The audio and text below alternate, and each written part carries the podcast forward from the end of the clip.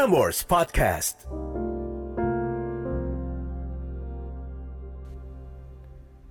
Catatan akhir malam oleh Narendra Pawaka. Selasa, 19 Januari 2021. It's okay to lose your direction sometimes. Sometimes life throws us a curveball for no reason that we can fathom. But do not despair.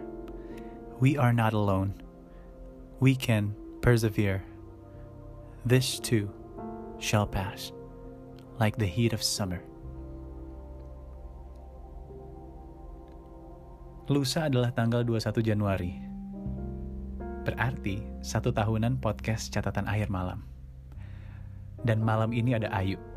Usianya genap 21 tahun di tanggal 30 November 2020 kemarin. Namun sudah dua bulan belakangan ini merasa kehilangan arah. Now, need I to remind you Ayu, it's okay to lose your direction sometimes. Tapi jangan sering-sering.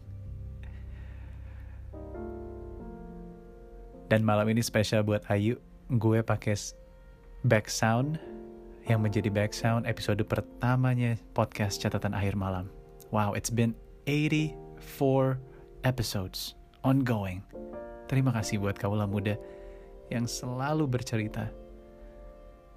Dan gue yakin cerita lo semua membantu siapa pun yang mendengarkannya saat ini. So if you want to join the companion, the squad of catatan akhir malam, all you gotta do is to write down your story dan kirim ke narendrapawaka at gmail.com.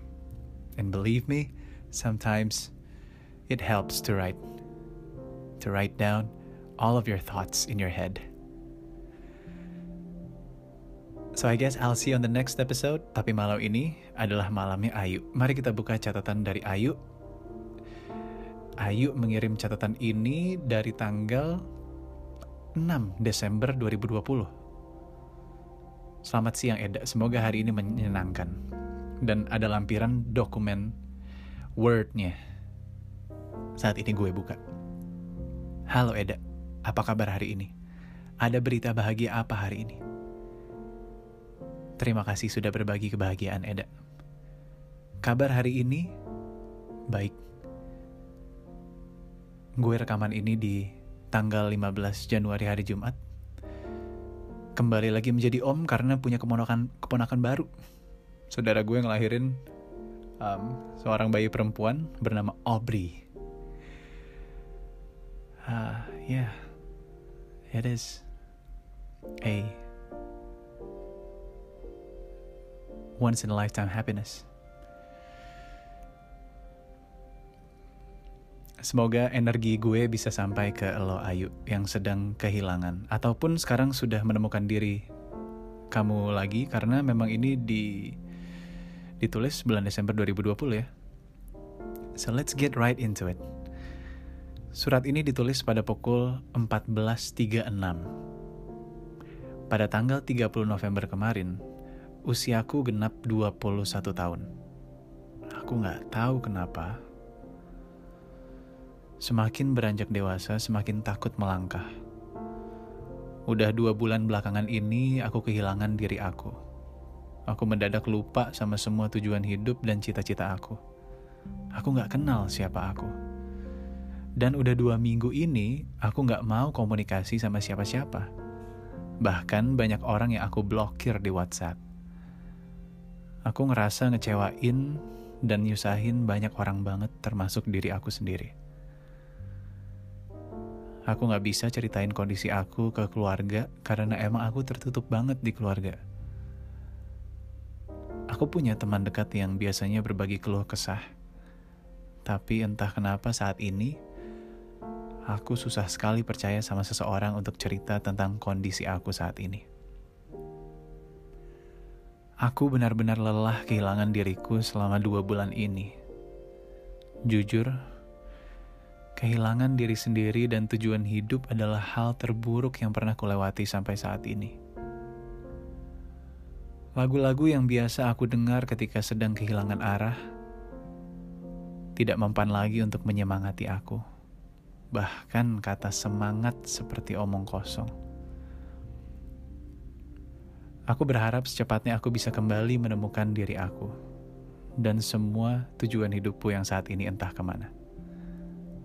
Terima kasih Eda. Semoga sehat dan bahagia selalu. Sama-sama Ayu. Semoga saat mendengarkan ini, kamu dalam kondisi yang sudah bahagia dan sudah menemukan diri kamu sendiri. Namun kalau belum, untuk itulah ada catatan akhir malam. So, what I want to share to you is a word of encouragement. Walaupun kata semangat mungkin omong kosong buat Ayu, but here's another note that I find from a friend. Dia tulis judulnya ya, It's okay to lose your direction sometimes. And the note goes like this. I am here to tell you that it is okay to lose your direction sometimes. It is okay if you stumble into darkness and choose to stay there for a little while. And trust me when I say it is more than okay if it feels lonely there. It usually is.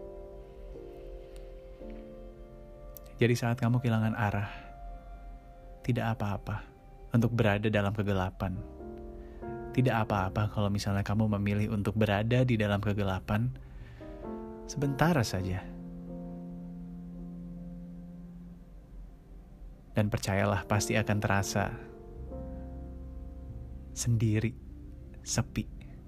Karena memang seperti itu rasanya dalam kegelapan sendiri. But at least at the beginning, hanya di permulaan saja. But you do not have to pull yourself out of there, of that messiness if you're not ready to go back. Even if others are trying to pull you out, if you feel guilty for abandoning others, even the best parts for yourself, Let these words give you permission to sulk in your sadness for as long as you need. Now, these words can be powerful untuk kamu yang sedang kehilangan arah. The words goes like this. Let your emotions bloom and prosper into all they can and will grow into one day. Even if you cannot make sense out of them yet, even if it hurts to experience them, even if there are no words that will ever have the capacity to embody their intensity. Yang harus disadari adalah memang terkadang kehidupan itu membuat segala hal berantakan untuk kita.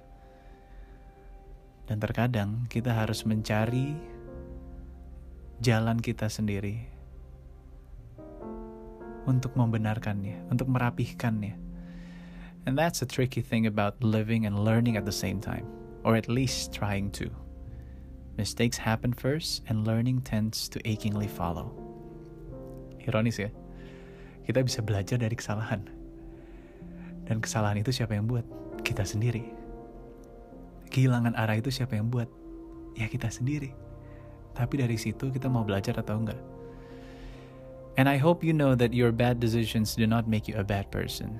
They are what make you real, a human with flaws, a human with a beating heart. Seorang manusia diciptakan untuk merasa, untuk berpikir, untuk berkomunikasi dengan segala makhluk hidup lainnya yang ada di sekitar kamu. But your mind is malleable influenced by its surroundings and experience. It is constantly changing, reshaping itself over and over again until it becomes too hard for your heart to reach every corner of it. Kadang memang kehidupan berjalan cepat sekali. Sampai kau merasa dan berpikir cepat sekali setiap hari sampai lo lupa untuk membentuk diri lo kembali. Desperately stretching itself thin your heart weakens and ends up giving way to a paralyzing darkness to seep into your tears of your tender heart.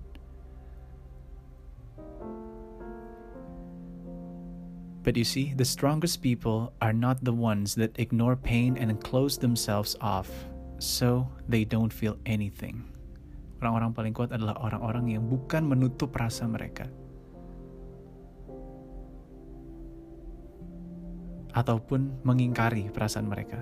No, the strongest people are the ones that allow themselves to feel absolutely everything And as they do, and quietly whisper, I know this will hurt, but this too is something I will heal from.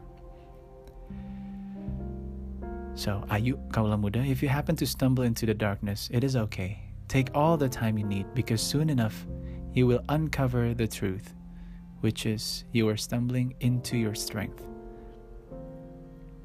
Terima kasih Ayu untuk catatannya yang singkat, namun gue dan kaula muda yang sedang merasakan hal yang sama pasti bisa relate sama ceritanya Ayu. Now, for the very last bit. Sebelum dua hari lagi kita satu tahunan di podcast Catatan Akhir Malam. On January 19th. Orang-orang yang ulang tahun dan lahir di tanggal 19 Januari. You are diplomats, writers, teachers, and lovers of the fine arts are born on this day. You have a kindly disposition, consideration, and a desire to help others. Poetical, artistic, and affectionate, you are capable of entering into almost any profession or field and being successful. My name is Narendra Pawaka, and this is Catatan Akhir Malam. Have a good night, sleep tight, and don't let the bad bugs bite.